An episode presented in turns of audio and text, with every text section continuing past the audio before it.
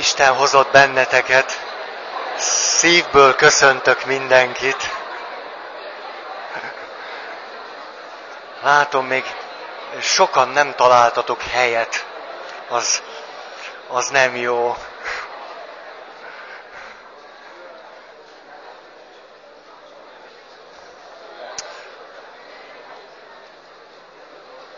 Megvárom, hogy valami jó helyet találjatok magatoknak. Ott is van még hely itt elől.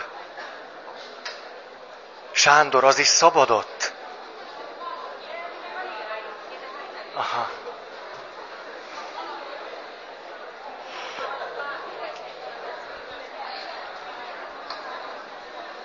Belekezdek, aztán majd elrendeződtök biztos. Szóval Lawrence Kohlbergnek, aki 1978-ban doktori disszertációját megírta az erkölcsi ítélő képesség fejlődéséről. Ezen gondolatok nyomán haladunk, és próbálom fölvázolni azt, hogy hogyan mutatja ki azt, hogy az erkölcsi ítélő képességben is egyfajta fejlődésre csodálkozhatunk rá, és minden fázisnak megvan a maga nagyon sajátos működésmódja. Ahogyan ezt hangsúlyoztam nektek, nem azzal foglalkozik, hogy mi jön ki egy erkölcsi ítélet alkotás végén, eredményként, hogy mi a helyes és mi helytelen, hanem azzal ö, vívódik, hogy az embert, amikor egy erkölcsi ítéletet megalkot, akkor mi irányítja, mi motiválja ebben az ítélet alkotásában és aztán a cselekvésében.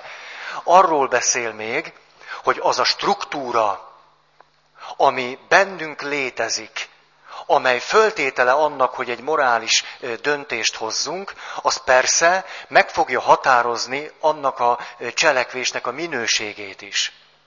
És talán emlékeztek arra a dilemma helyzetre, ami az ő kedvenc helyzete volt, amit elmondott a kutatásai során, csak néhány mondatban, és aztán akkor már megint benne leszünk a múltkoriban, hogy egy férj és egy feleség, akiről szó van, és a feleség nagyon súlyosan megbetegszik, megállapítják róla, hogy rákos. Mindenféle gyógyszert, illetve orvosságot kipróbálnak, mindenféle terápiás eljárást, és nem gyógyul meg.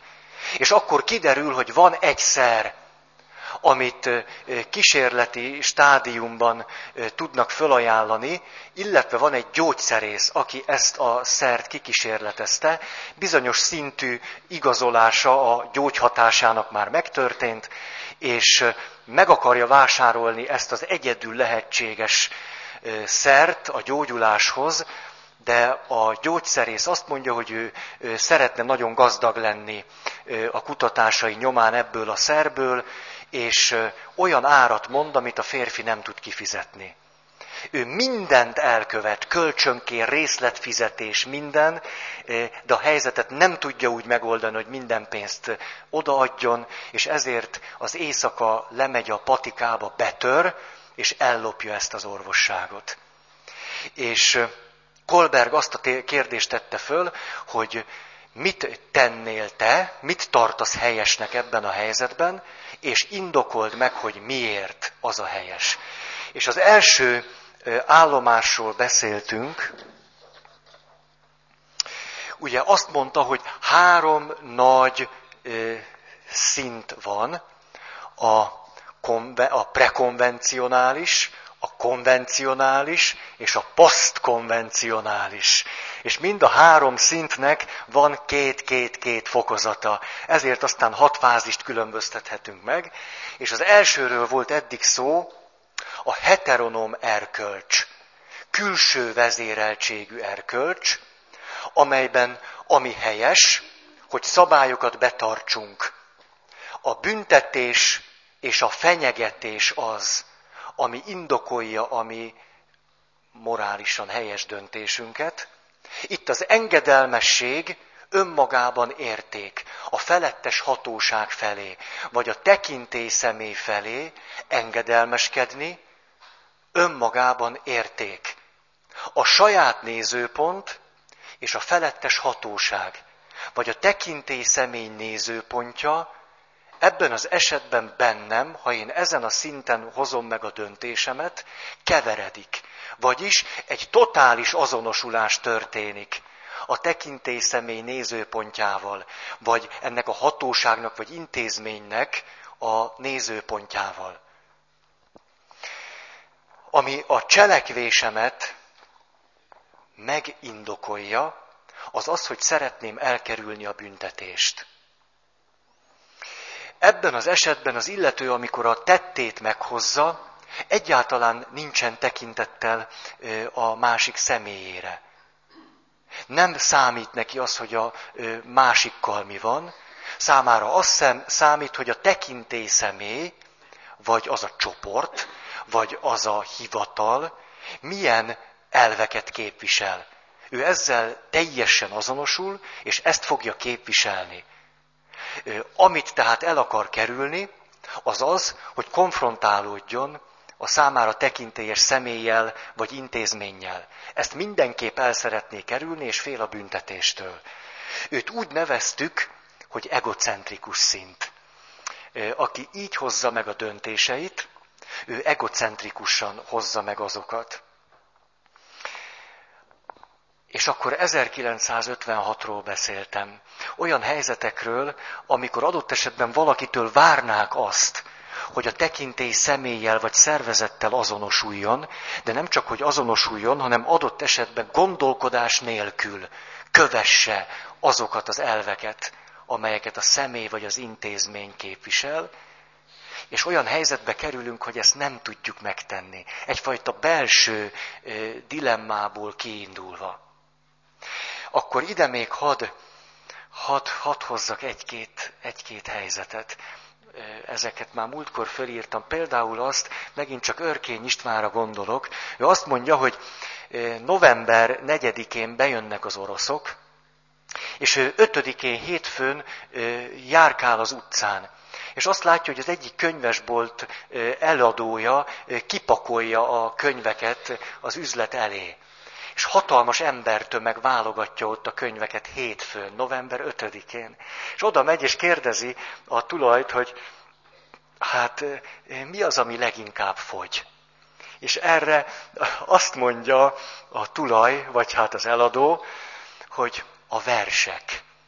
Mire Örkény István azt írja, ekkor értettem meg, hogy valóban nagy baj van. Mert ő ilyennel még nem találkozott. Na most aztán egy előjáromra gondolok még, aki hihetetlen kritikátlanul követte a feljebb valóinak az utasításait, ezért őt néhány hét alatt elneveztük kutyának. A hűségére utalt ez a név, és ő attól kezdve kutya volt. Csak úgy hívtuk, hogy a kutya ezt mondta, a kutya azt mondta. Egyszerűen azért, mert az a fajta totális kritikátlanság, ahogyan ő képviselte a, a, a feljebb valóinak a szavát, az mindenestül hiteltelenné tette őt. Mondjuk lehet, hogy ugye ez is egy erkölcsi dilemma. Nevezze le kutyának egy atyát. Vagy, igen, nem mondhatta el, hogy kutyába se vettük. Fantasztikus. Szóval, vagy Csaba testvére gondolok, aki itt elmesélte azt a történetet, amikor fogta magát, és egy arra alkalmas tárgyal egy lelakatolt intézménynek a lakatát leverte. Azért, hogy ott elszállásolhasson olyan gyerekeket, akiknek nem volt a fedél, fedél a fejük fölött. Ebben az esetben ez nyilvánvalóan egy erkölcsi kérdés is volt, hogy ő ezt megteheti-e. Ha ő azt mondja, hogy, hogy azt az elvet, hogy adott esetben ne töri be, vagy ne lopj, vagy ne vedd el, ami a másé, vagy bármi ilyesmit, kell követnem mindenképpen. Ezt nem tehette volna meg. És az, ami, amiről itt szó van, hogy sok száz gyereknek fedelet adni, meg ételt adni, meg gondoskodni róla, az lehet, hogy nem is volna. ha ő ott akkor abban a pillanatban nem áll neki, és egy intézménynek a lakatját, amihez neki semmi köze nincs, nem veri le.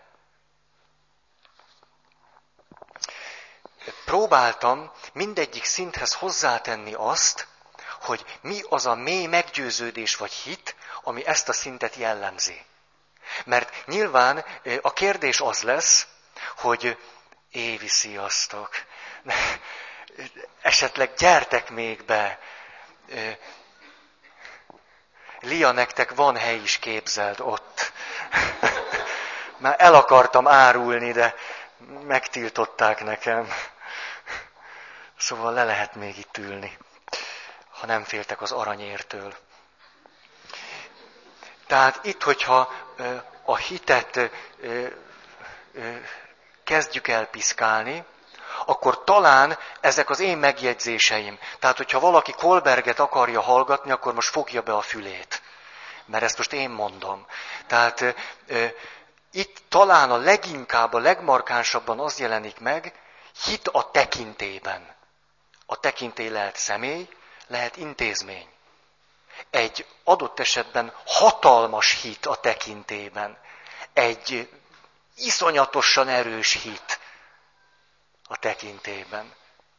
Ugye itt már is érezzük azt, hogy, hogy, hogy mennyire rezegnek ezek a kategóriák, hogy hívő és hitetlen, hogy hinni jó dolog és nem hinni rossz dolog, hogy a hitetlenség rossz dolog és a hit jó dolog, hogy egy kritikátlan hit ezen a szinten az vajon jó dolog vagy rossz dolog, úgy önmagában.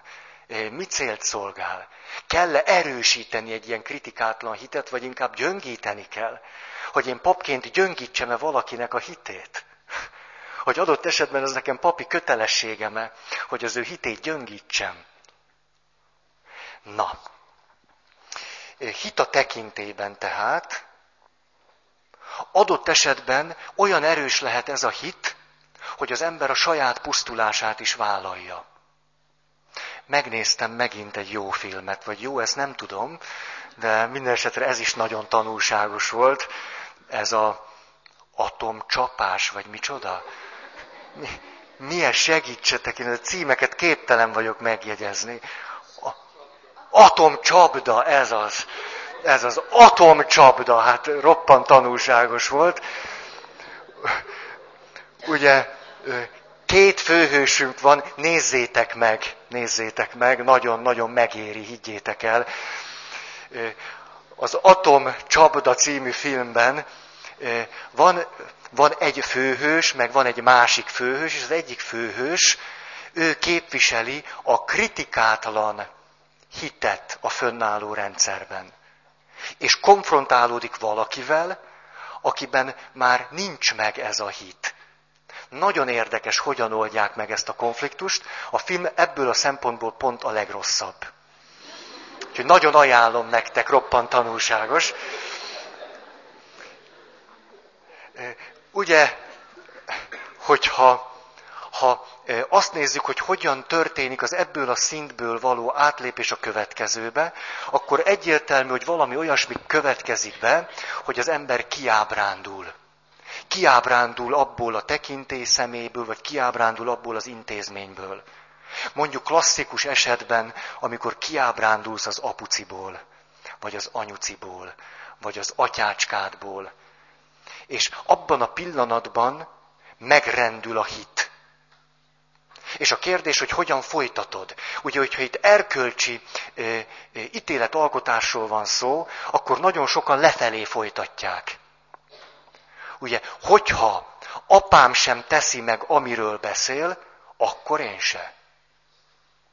Ugye milyen sokan választják ezt, még felnőtt korban is.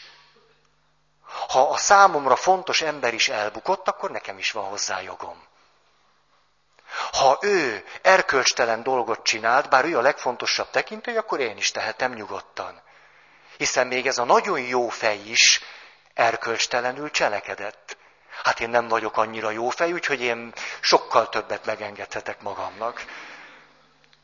Tehát sokaknak lefelé indul el az útja ilyenkor. Persze lehet, hogy a folyamathoz adott esetben ez is hozzá tartozik. Hogy megteszel egy-két stiklit. És utána rájössz, hogy akkor is érdemes rendes embernek lenni, ha a főnököd nem az. Ezt most akármilyen értelemben vehetjük. Tehát attól, mert a lelki atyád bizonyos dolgot nem csinál jól, attól te még azt csinálhatod jól. Adott esetben még az is lehet, hogy továbbra is a lelki atyád marad. Csak éppen ezt mind a ketten tudjátok, ez egy nagyon korrekt helyzet lehet.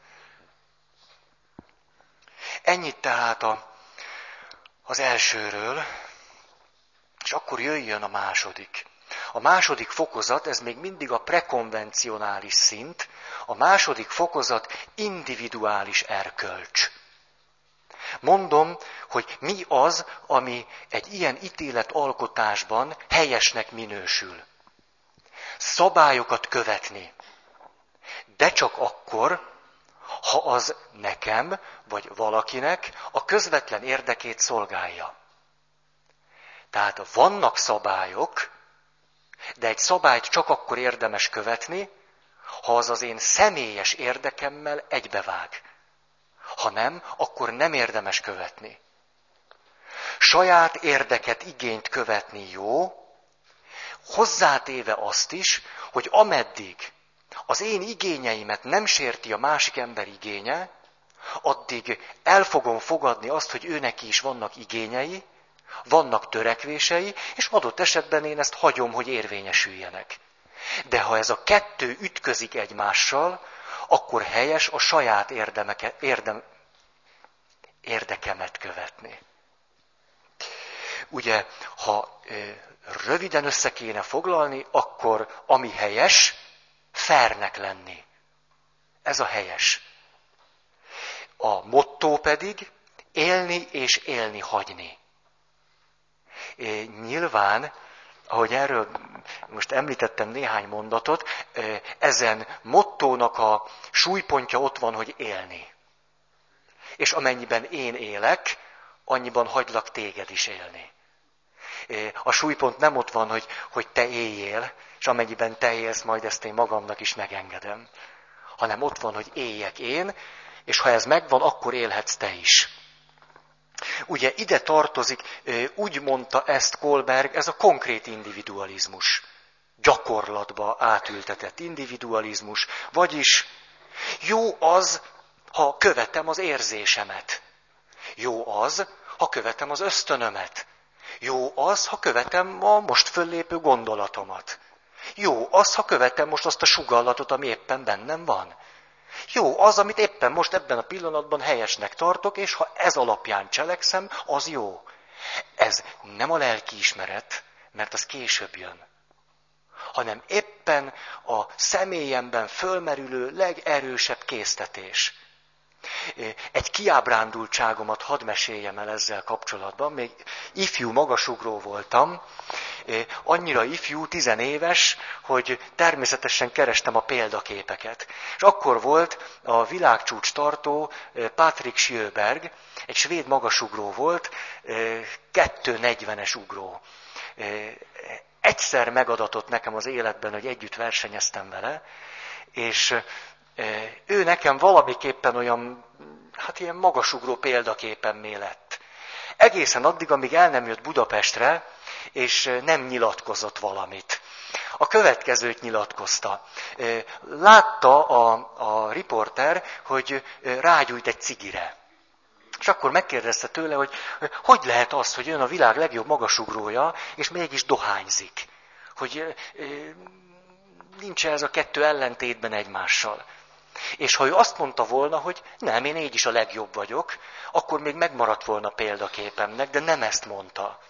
Hanem a következőt mondta. Nézze, én azért dohányzok, mert nekem ez jól esik.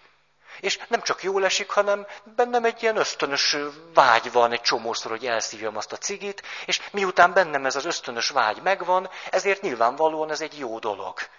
Mert hiszen bennem van. Ha nem volna jó, nyilván nem volna bennem, és miután én vagyok a világ legjobb magasugrója, nyilván az én cigi iránti vágyam is a világ egyik legjobb dolga, tehát én ezért most rágyújtok. Aztán később kiderült, hogy az egész életét így élte, Tehát ő többé-kevésbé megengedte magának azt, amit ő adott pillanatban jónak tartott. Ez a fajta erkölcsiség nincs messze a ma emberétől. Bizonyos dolgok szoktak bennünket korlátozni. De hogyha nagyon megpiszkálunk embereket, akkor kiderül, hogy ő ez alapján dönt, mindaddig, amíg valami nagyon nagy erő ebben meg nem akadályozza. Tehát adott esetben csak súlyos érdekek állítják őt le. Különben ez alapján teszi a dolgait.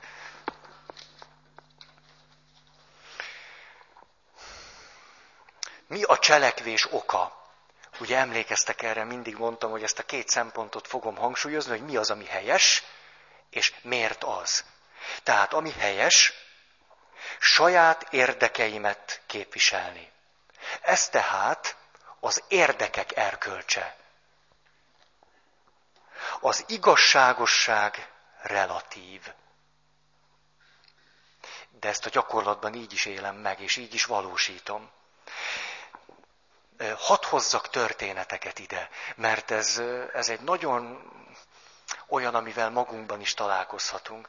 Az első, hogy láttam már papokat nem egyszer, akik a, a hihetetlen nyugalomnak, békének, harmóniának voltak a szobrai, addig, ameddig az ő érdekeiket nem sértették. De csak addig. És abban a pillanatban, ahogy ők személyesen érintve voltak, abban a pillanatban ebből a szerepből úgy kiestek, mint a csuda. Egyébként pedig ilyen, ilyen végtelen alázat és szelítség tükröződött rajtuk. Előbb-utóbb persze ebből a szerepből kiestek. Aztán egy fideszes polgármesterről van szó, aki sokak számára egy komoly, komoly példakép, és én történetesen e, ezen Fideszes polgármester mellett lévő lakásba mentem el családlátogatásra. Ezek ilyen nagy lakások voltak, és körülbelül fél órája vagyok ott az ismerősömnél, és egyszer csak csöngetnek és a nagyon nagy köztiszteletben álló polgármester ilyen tajtékzó arccal csönget, és kérdezi, hogy nem ide jötte az a valaki, aki az ő ablaka alá parkolt. Na most hát oda jött, igen, ez voltam én. És akkor nekem szépen le kellett menni, és el kellett állnom-e köztiszteletben álló honatya ablaka elől, mert bár az ő ablaka alatt az a terület nem az övé volt, de őt az mégis roppantú zavarta, hogy egy idegen autó áll ott, mert én is idegen vagyok természetesen, és ezért engem onnan elküldött. Engem mondjuk ez nem nagyon zavart volna, hogy ott maradok továbbra is, de a házigazdám megkért rá, hogy esetleg mégiscsak álljak el, mert nem én vagyok az első, akivel ez a dolog megtörténik, és hogy ő neki a, továbbra is a szomszédja marad ez a köztiszteletben álló ember, akkor is, ha én lazán el fogok majd innen távozni. A következő, emlékeztek arra, hogy, hogy volt egyszer az a, az a cikk sorozat, hogy ki nem küldött tudósítónk jelenti. A, az ésben volt? Ne, nem, nem. Én azt hiszem az ésben volt. A, nem a Vámos Miklós csinálta, én nem tudom, vannak itt ilyen... Ne, ez most ne... De most kom, ez... Valaki mondhatná, mert nem, nem tudom, én nem... De így volt, ez volt a címe, ki nem küldött tudósítónk jelenti. És nagyon-nagyon szellemes volt, elmés volt. Nem tudja senki. Hát de ennyire fiatalok vagytok, vagy hogy? Én azt hiszem az ésben volt ez egy állandó rovat, de nem mindegy. És, de még jó régen, a, a rendszerváltás előtt. Na, ezt azért akarom mondani, mert, mert nem tudod. Ne, ja, nem, bocsánat, hogy még, szóval, hogy nem, mert kinéztem belőle, hogy tudja. Na, a, szóval elmondom azt, hogy hogyan tapasztaltam én meg a másik oldalról, mit jelent, hogy egy olyan ember az én mondjuk nem az, hogy példaképem, szóval hogy mit jelent egy olyan közegben létezni, ahol ez az erkölcs az iránymutató.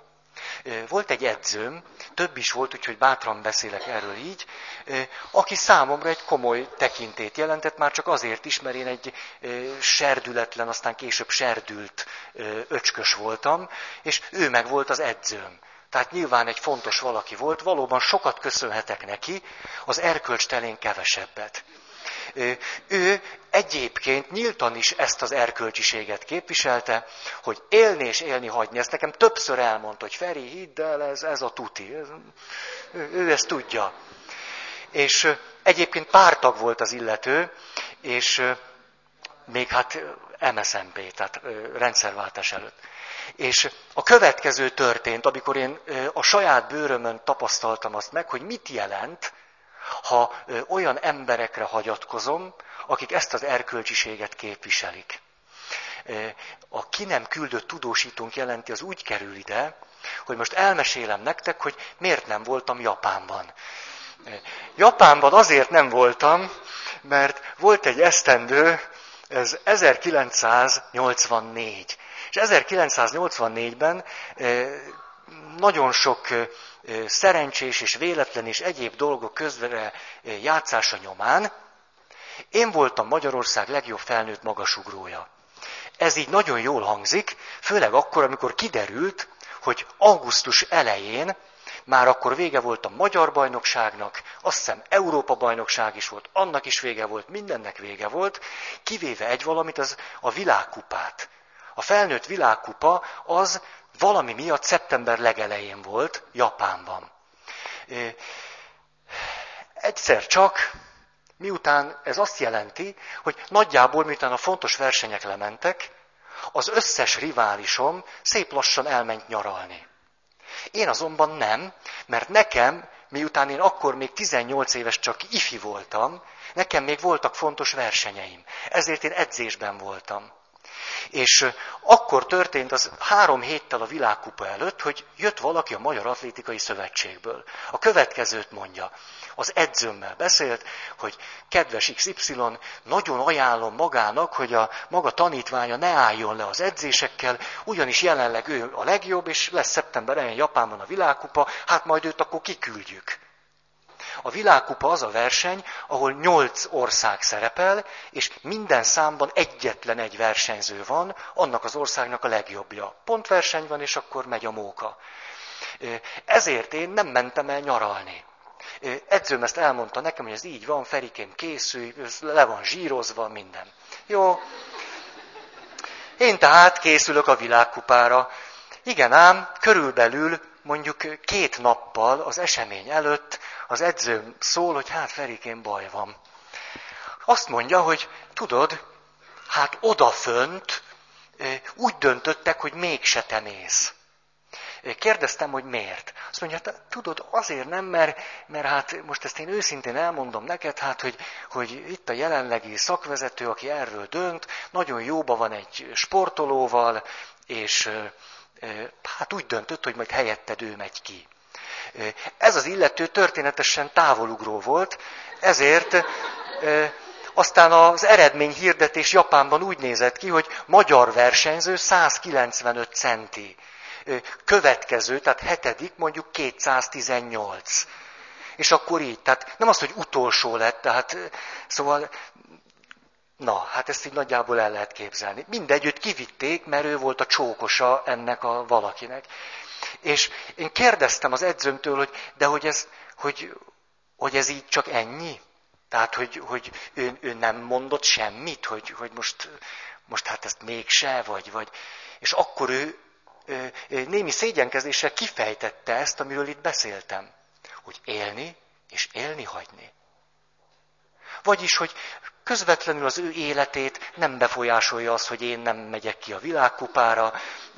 Közvetlenül az ő életét nagyon is befolyásolná, ha fölmenne a hivatalba, és ott az én személyem mellett kiállna. Ezért tehát egyetlen egy helyes döntés létezik, hogy én nem megyek ki, és hogy ő nem szól semmit. Ugye akkor 18 éves voltam, egy életre megtanultam, hogy mit jelent ez az elv a gyakorlatban. Hogy élni és élni hagyni. Persze, én akkor még, vagy akkor is, nem tudom, elég naív voltam ahhoz, hogy én ezt összekötöttem a szocialista erkölcsel. Tehát ez számomra egy súlyos tanulsággal szolgált, hogy mondjuk az én mélyen tisztelt edzőm szocialista erkölcsisége pártakként mit jelent. És hogy én ebben mennyire szeretnék részt venni a későbbiekben.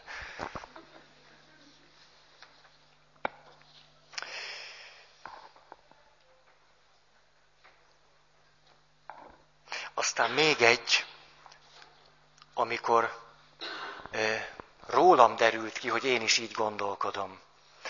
Azt hiszem 15 vagy 16 éves voltam, és a szüleimnek nagyon rossz volt a kapcsolata. Későbben ők el is váltak egymástól,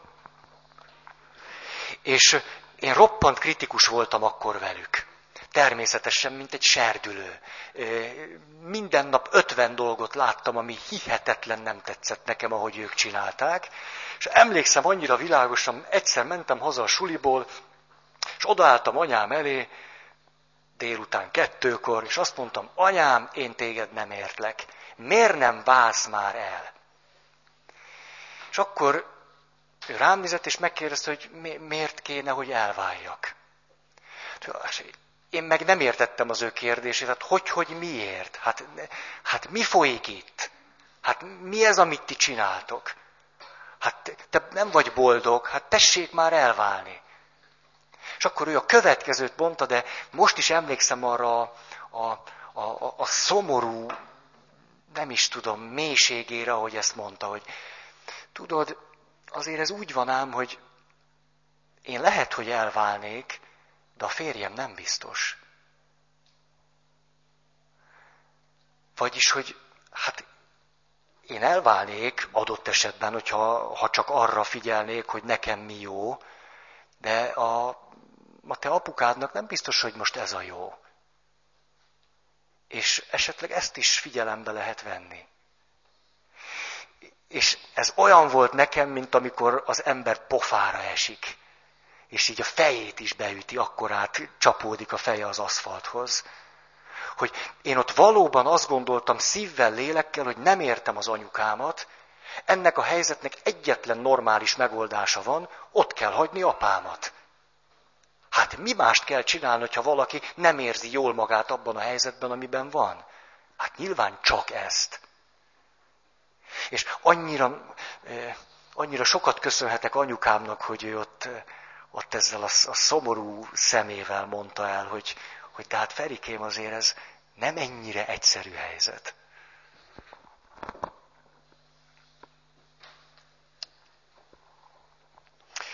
Ha a hitet kéne megfogalmazni, hogy, hogy miben is hisz az ilyen ember, akkor azt mondhatnánk, hogy hit a saját érdekeimben.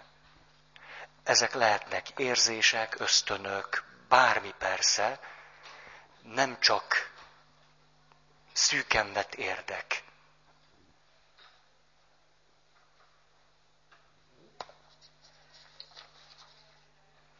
Akkor most jön a második szint, ez a konvencionális szint. Ha az egészet, mint szintet akarnám összefoglalni, akkor a következőt mondom róla. Itt az erkölcs többé-kevésbé jogi kérdés, védeni kell a magántulajdon jogát, mert arra épül a társadalom. Ugye a konkrét helyzetre gondoljatok, tehát lopni, nem lopni, hogy van ez?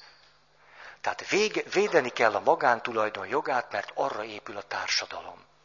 A harmadik fokozat interpersonális konformitás szintje és mondom normálisan is, mi az, ami helyes? Ebből ki fog derülni, hogy mit jelent ez az interpersonális konformitás.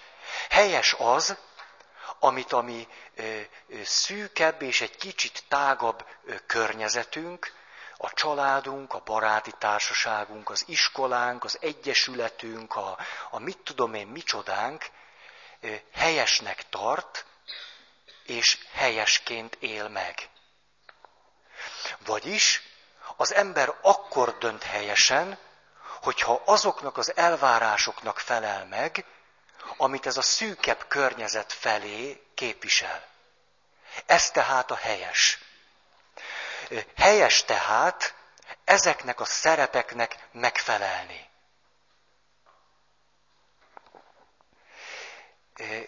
Itt kulcs szó az, hogy helyes az, ha jó ember vagyok. Ha mások felől gondoskodom, mert mondjuk ez az apának vagy az anyának a legfontosabb szerepe. Ezért helyes dolog másokon gondoskodni. A barátság nagyon nagy érték, ezért mindaz helyes, amit az én barátom felé, mint barát igényként táplál. Bizalom, lojalitás, megbecsülés, megbízhatóság. Ezek a kulcs szavak. Tehát az erkölcs elsősorban az emberek közti viszonyokban az elvárásoknak és a helyesnek a megvalósítását jelenti. És ide jön valami még, ami nagyon fontos, helyes az, hogyha ezáltal rendben vagyok a világban, és rendben vagyok önmagamban, vagy önmagammal. Vagyis, hogyha ezekben a kapcsolataimban rendes vagyok, rendes apuci vagyok, rendes barát vagyok, rendes gyerek vagyok, akkor én rendes, helyes életet élek. Mi a cselekvés oka? Saját és mások szemében jó fickónak lenni. Itt már van egy visszacsatolás önmagamra.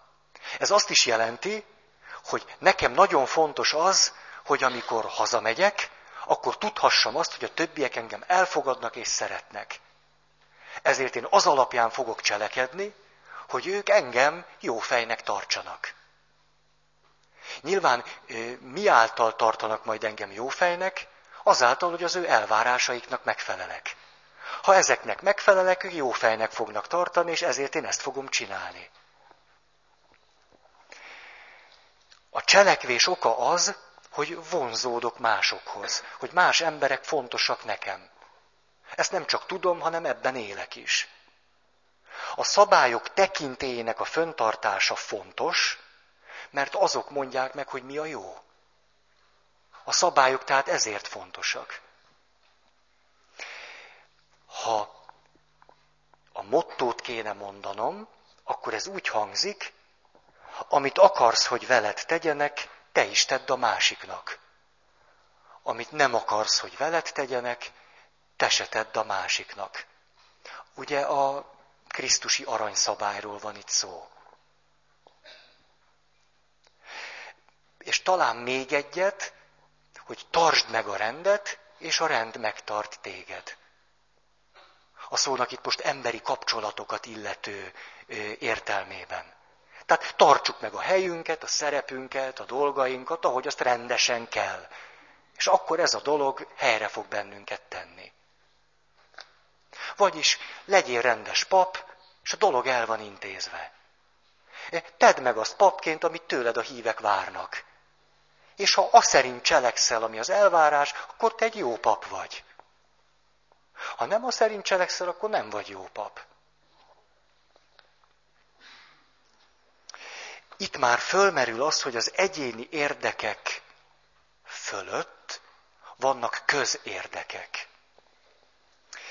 Képes vagyok arra, hogy magamat a társam vagy a partnerem szerepébe helyezzem.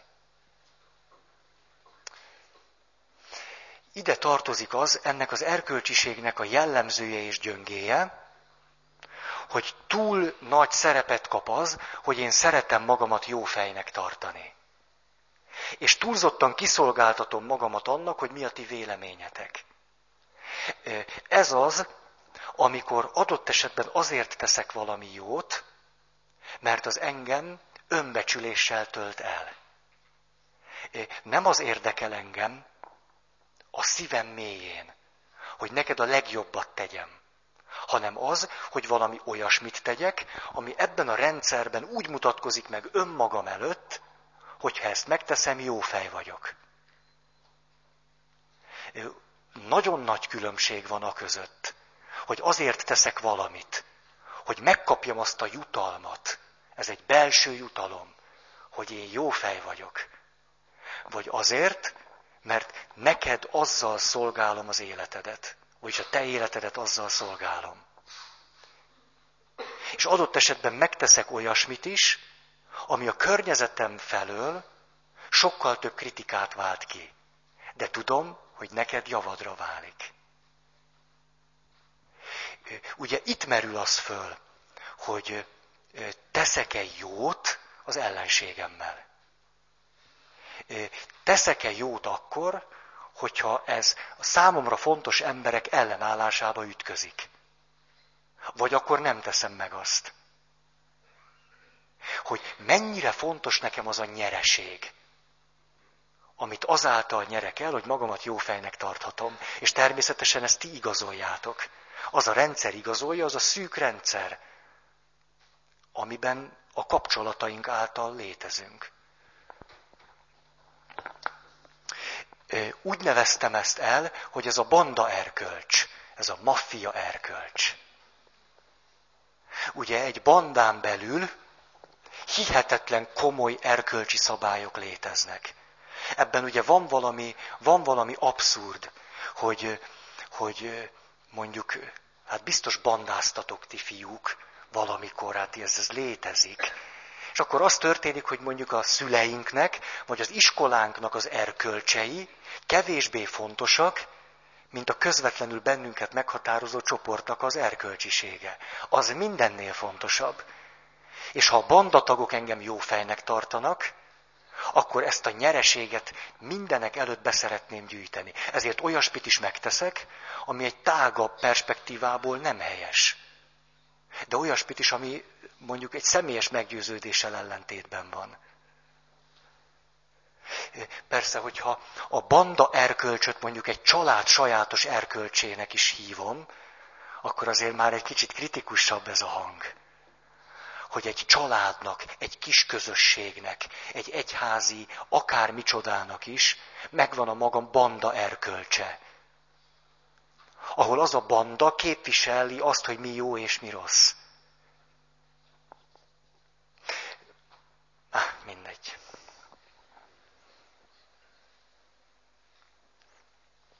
Gondolok megint egy pap előjárómra, aki ilyen interpersonális guru akart lenni, és ezt úgy igyekezett megvalósítani, hogy mindenkivel jóba leszek.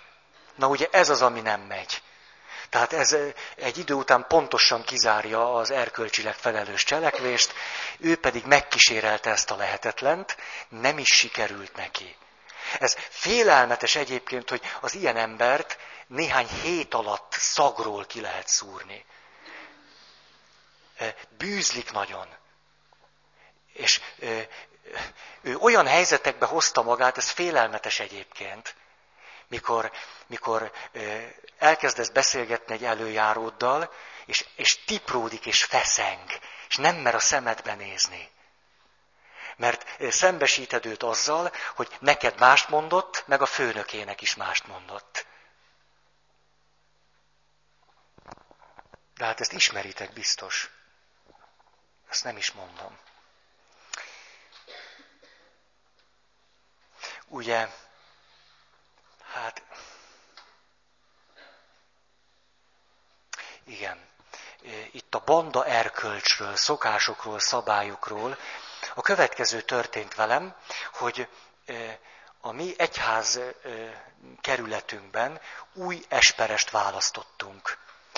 Mert a régi esperes volt az a valaki, akinek a helyébe én kerültem. Ezért aztán a, egy addigi plébános atyát kineveztünk esperesnek. Az esperes az, aki a plébánosokat összefogja. És néhány nap múlva beszélek valakivel, és mondom, hogy hát a János atya ezt meg ezt mondta. Mire egy fölteszi a kezét, és a következőt mondja. Az Esperes úr. Vagyis János atya két nappal ezelőtt még János atya volt. De miután mi magunk megválasztottuk őt Esperesnek, attól kezdve ő nem János atya többé, hanem Esperes úr. És én akkor beszélek róla helyesen, hogyha őt ettől a pillanattól kezdve, hogy megválasztottuk őt Esperes úrnak, nem János atyázom, hanem ő Esperes úr. Hát ilyenkor azért ezt én nem bírom meg mosolygás nélkül. Itt sem álltam meg, így néztem rá, mint a apuka a hülye gyerekére, mire ő a következő dologgal indokolta meg, hogy hát, hát Feri, hát ez nem úgy van, ahogy te gondolod, hogy hát itt Feri, hát te nem tudod, hogy a János atyának ez fontos? Vagyis, hogy János atyának fontos, hogy őt Esperes úrnak szólítsuk. Tehát akkor őt Esperes úrnak kell szólítani. Mert ez a mi Esperesi kerületünkben a banda erkölcs.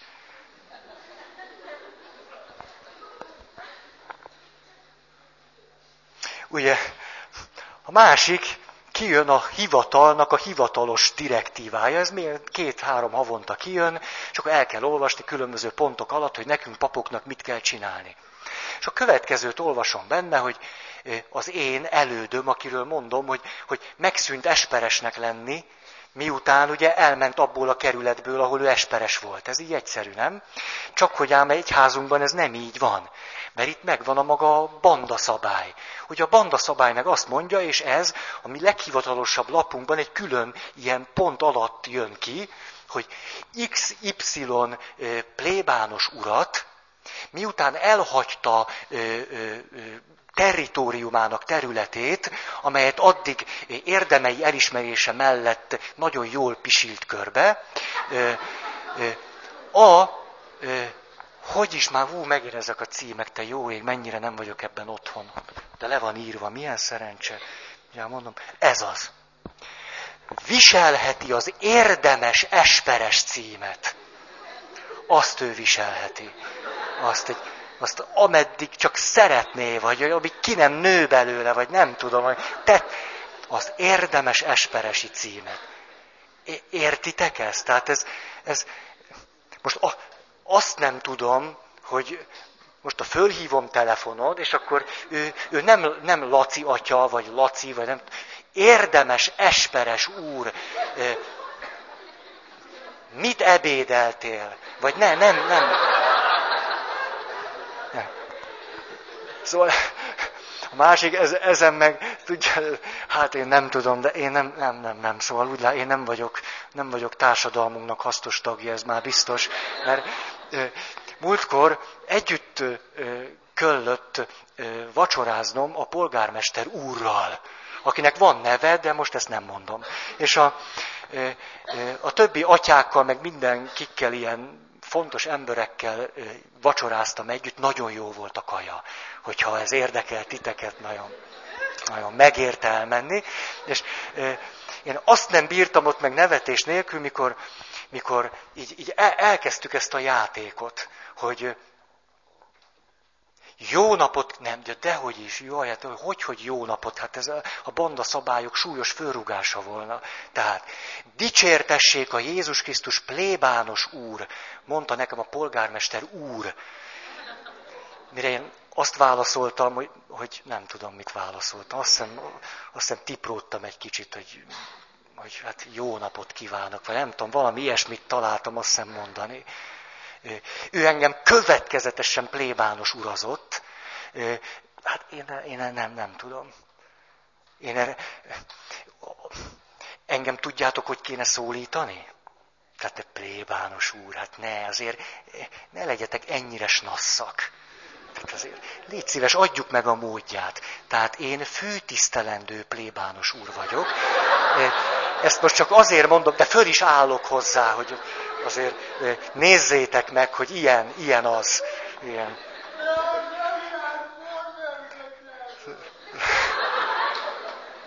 De István, én farmergatyában is főtisztelendő plébános úr vagyok. Ezt te vett tudomásul. Na most.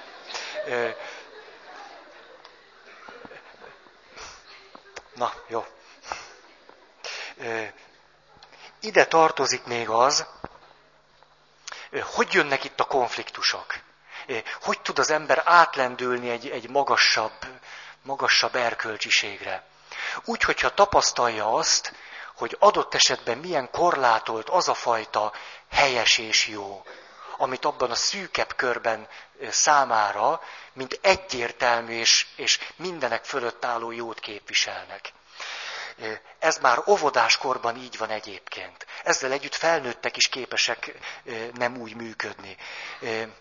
Mérei Ferencnek volt az a klasszikus és tipikus kutatása, ettől lett ő nagy ember. Hogy azt nézte meg, hogy óvodások a maguk csoportjában hogyan működnek. És akkor azt látta, hogy óvodás korban is meg lesznek a bandavezérek. Természetesen, a maguk módján. És akkor a következőre volt kíváncsi, ú, vannak, akik ismerik, jó, a pedagógusok, hogy akkor a következőre volt kíváncsi. Mi történik akkor, ha csöpnyi kis maffia vezérünket áttesszük egy olyan csoportba, amelyben ő egy idegen alak.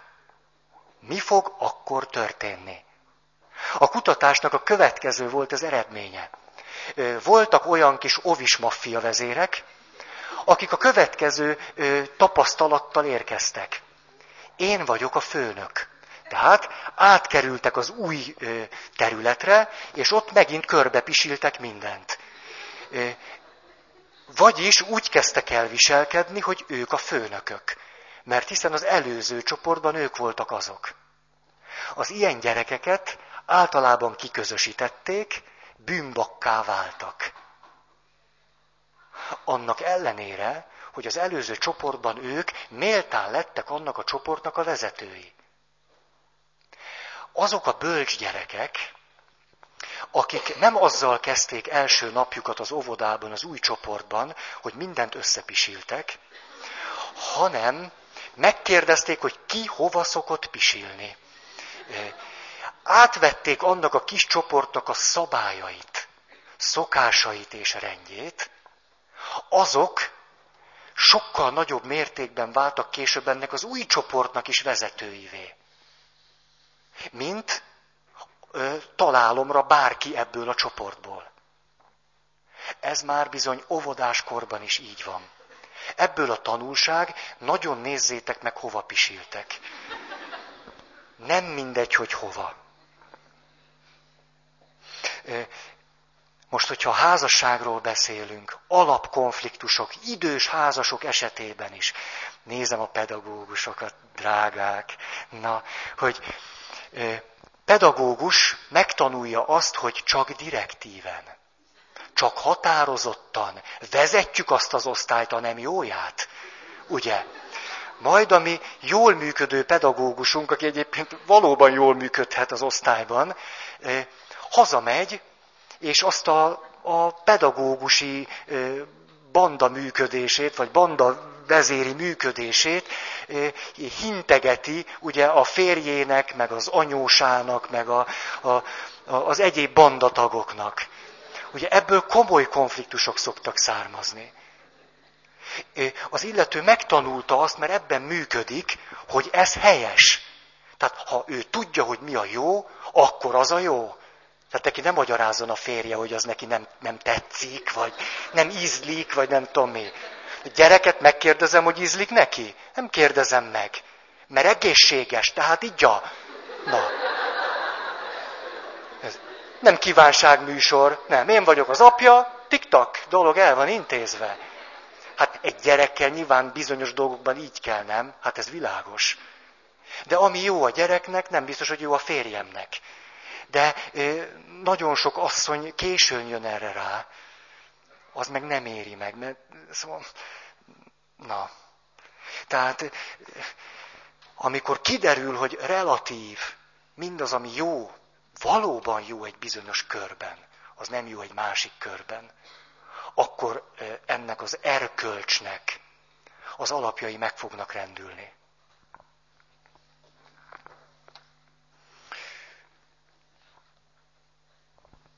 Jó van, még van idő. Akkor a második szintnek a második fokozata Szociális rendszer és lelkiismeret. Ez a, az erkölcsi döntésnek a háttere. Szociális rendszer és lelkiismeret. Mi az, ami helyes? A vállalt feladatokat teljesíteni.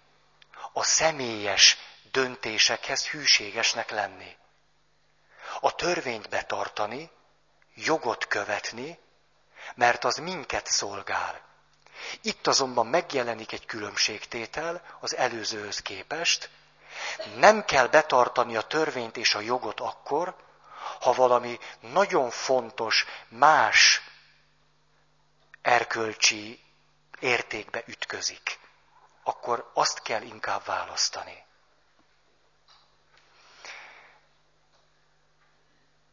egy vagy több társadalmi szervezet föntartására és támogatására személyes erőfeszítést tenni. Látjuk, hogy itt az erkölcs már nem csak a szűkebb körben jelenik meg, hanem egyfajta társadalmi szintet ölt magára. Ez pedig azt jelenti, hogy vannak olyan nehézségek vagy kérdések, amelyeket csak társadalmi szintű felelősség és szerepvállalással lehet megoldani. Ezért tehát, aki ezen a szinten hozza meg az erkölcsi döntéseit, személyes kötelességének fogja tartani, hogy mozgalmakban vegyen részt hogy társ, össztársadalmi méreteket érintő egyesületekben, dolgokban közreműködjön. Mert bizonyos dolgok csak ilyen szinten oldhatók meg, személyes szinten nem. Ide tartozik még, hogy mi az, ami helyes, a lelkiismeret tekintélyének föntartása. Azért, mert a lelkiismeretem szava a személyesen hozott döntéseimre figyelmeztet. És még egy, ugye, ami a szociális rendszerre vonatkozik, az intézmények működését biztosítani. Az helyes és jó. Itt jelenik az meg, hogy létezik a társadalom szintje az erkölcsöt illetően. Itt már nem csak a szerep számít, nem csak az egyéni élethelyzetek számítanak, hanem egy rendszerben jelennek meg az én sajátos egyéni szerepeim és helyzeteim, és ez meghatározza azt, hogy mi lesz jó és mi lesz rossz. Itt merül föl először komolyan, hogy bűne adót csalni vagy nem. Az előző három szinten ez nem merül föl többé-kevésbé nem merül föl. Vagy ha föl is merül, a lelkiismeret nem nagyon szól. A negyedik szinten igen. Itt az ember elkezd azon gondolkodni, hogy mi van, hogyha ezt az össztársadalmi szabályt megszegem. Mi történik akkor az egyes emberrel? Mit kell ilyenkor tenni?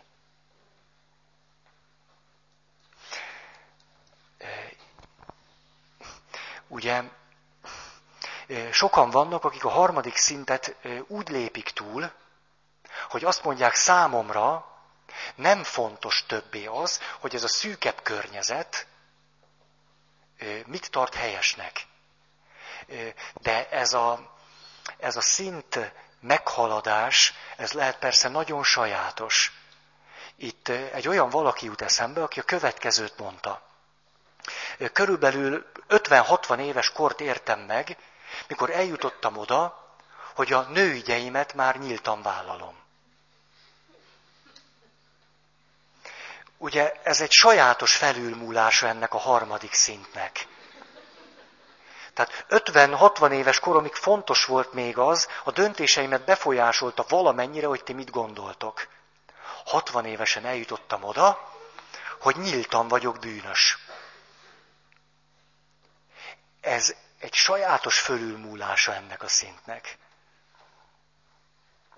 De ugye miért hozom ide? Azért, mert az illető azt mondja, az én lelki ismeretem ebben az esetben nem szól. Tehát azért merem nyíltan vállalni ezt előttetek, hogy én megcsalom a férjem vagy a feleségem, mert én ezt addig csak azért nem tettem meg, vagy nem tettem nyíltá, mert ez nektek nem tetszett. Most azonban fölszabadultam ettől, és már nyere, merem nyíltan vállalni. Nem egyszer, nem kétszer hallottam már ilyesmit.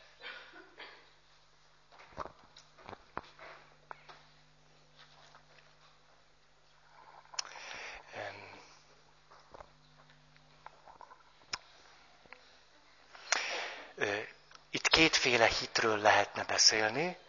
Az egyik hiszek a lelki ismeretem szavában. És a másik, hiszek a társadalomban, illetve a társadalmi szerveződésekben.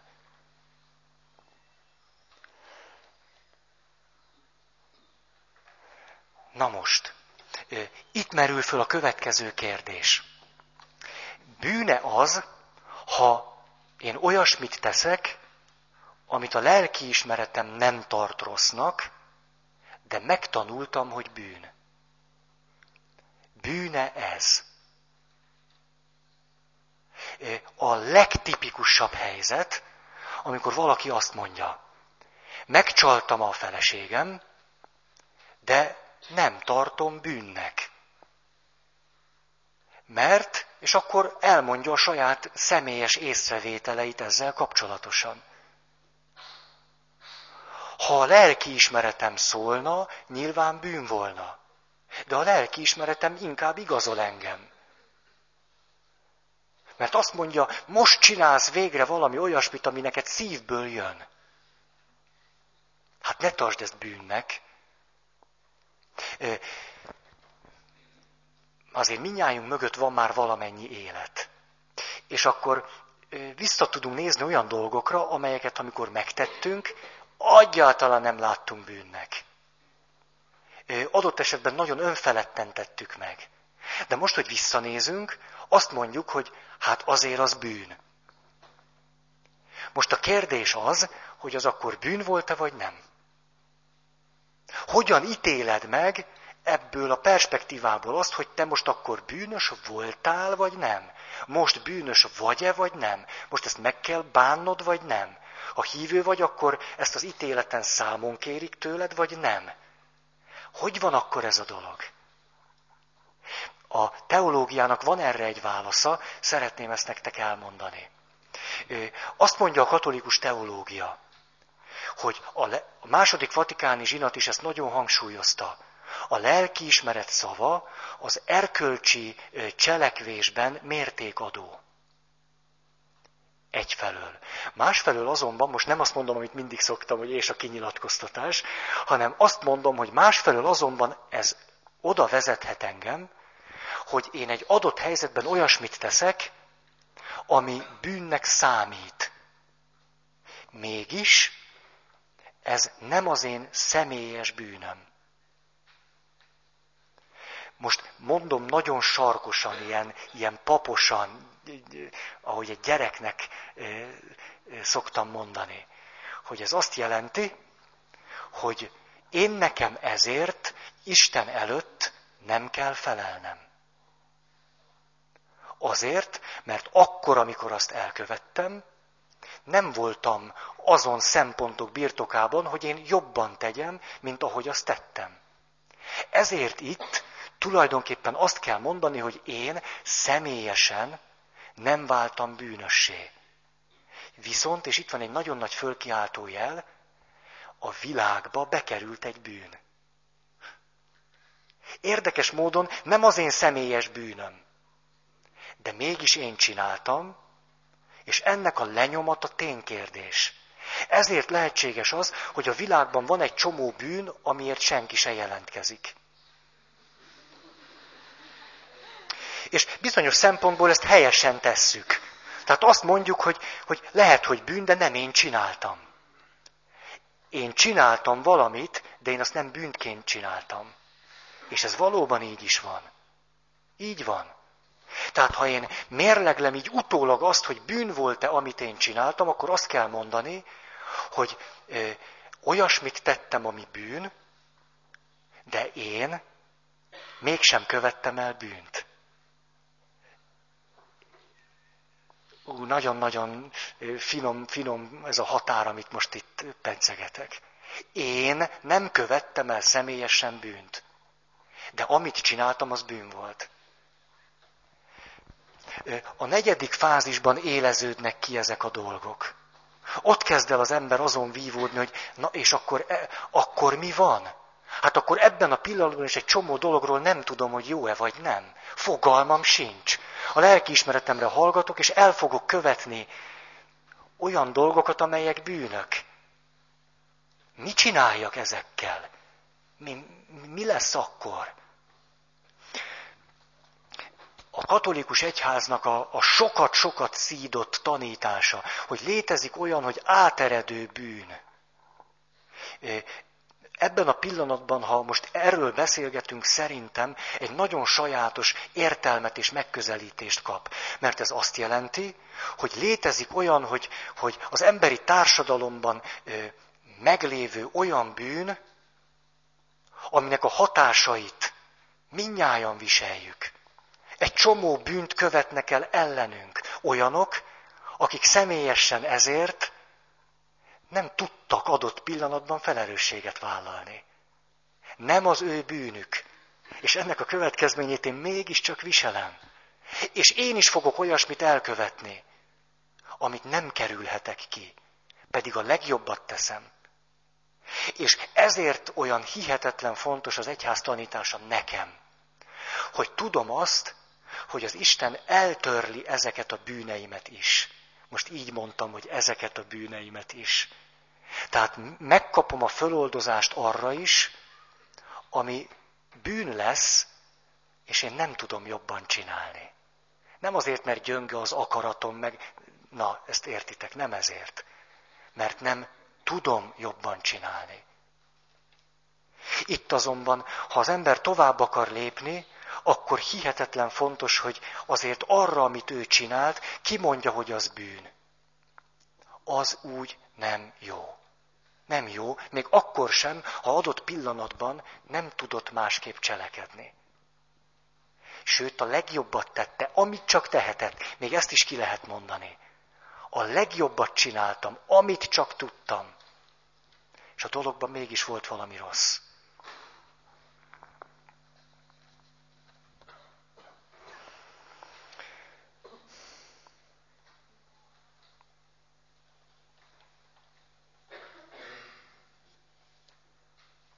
Igen, hű az idő, pedig még ehhez, ehhez olyan fontos dolgokat szeretnék mondani, hogy,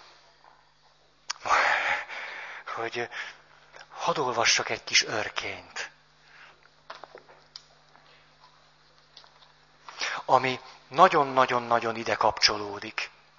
Hogy milyen az, amikor az ember vak, vakon cselekszik, a legjobbat csinálja, de mégiscsak vak, és egyszer csak fölnyílik a szeme, és hogy utána mit kell csinálni, vagy hogy mit kezdek utána a múltammal. Azt mondja, és akkor történt velem valami, amitől újra megnyílt a szemem a világra. Egy barátom házában történt, egy Duna melléki faluban. Délben érkeztem, délután beállított még egy vendég, egy ötven év körüli orvosnő, aki szintén gyakran megfordult Sztálinvárosban. A gyári üzemi étkezdék kerültek szóba, s különösen egy, ahová én is sokszor bebenéztem. Azt mondja az asszony, ez valami rettenetes. Miért nem csinálnak már valamit? Mit kéne csinálniuk, kérdeztem. Hát nem látta. Mit kellett volna látnom? Rám bámult. Azután elmondta, és ahogy mondta, már láttam is. Emlékezetemnek valamilyen rejtek fiókjából kezdtek előpotyogni a képek. A mocskos, gödrös betonpadlót, a kilocsantott leveses zsírfoltjaival láttam. A piszkos penészes falakat, a hámló vakolatot, az abrosz nélküli szennyes asztalokat, és a sok száz embert, aki le sem ült a piszkos asztalok mellé. Mosatlan kézzel, mert vízcsap sincs, állva falnak, hol egy kanál levest a csajkából, hol egy falat kenyeret a hónok alul, üres szemmel nézve maguk elé. Hát erre való Sztálin város? Hogy így éljenek, így étkezzenek odalent az emberek? Nem is válaszoltam neki. Éreztem, hogy baj van. Rettenetesen nagy baj. Én ugyanis nagyon sokszor megfordultam ebben az étkezdében. Ezt az embert a semmiben néző szemével, piszkos kezével én is láttam, sok-sok változatban, de nem vettem észre. A szemem is fölmondta már a szolgálatot, nem csak a tollam. Olyan vakság volt bennem, amit máig is szégyellek. Nekem nagyon tisztán kellett volna látnom, hisz részt vettem a háborúban. Voltam hadifogoly, láttam néhány dolgot. Az emberekről sokkal többet tudtam, mint amennyit megírtam. Nem láttam meg a dolgokat, és nem is mondtam. Nem is írtam meg azokat, ami erkölcsi kötelességem lett volna. Az írás tudó felelőssége.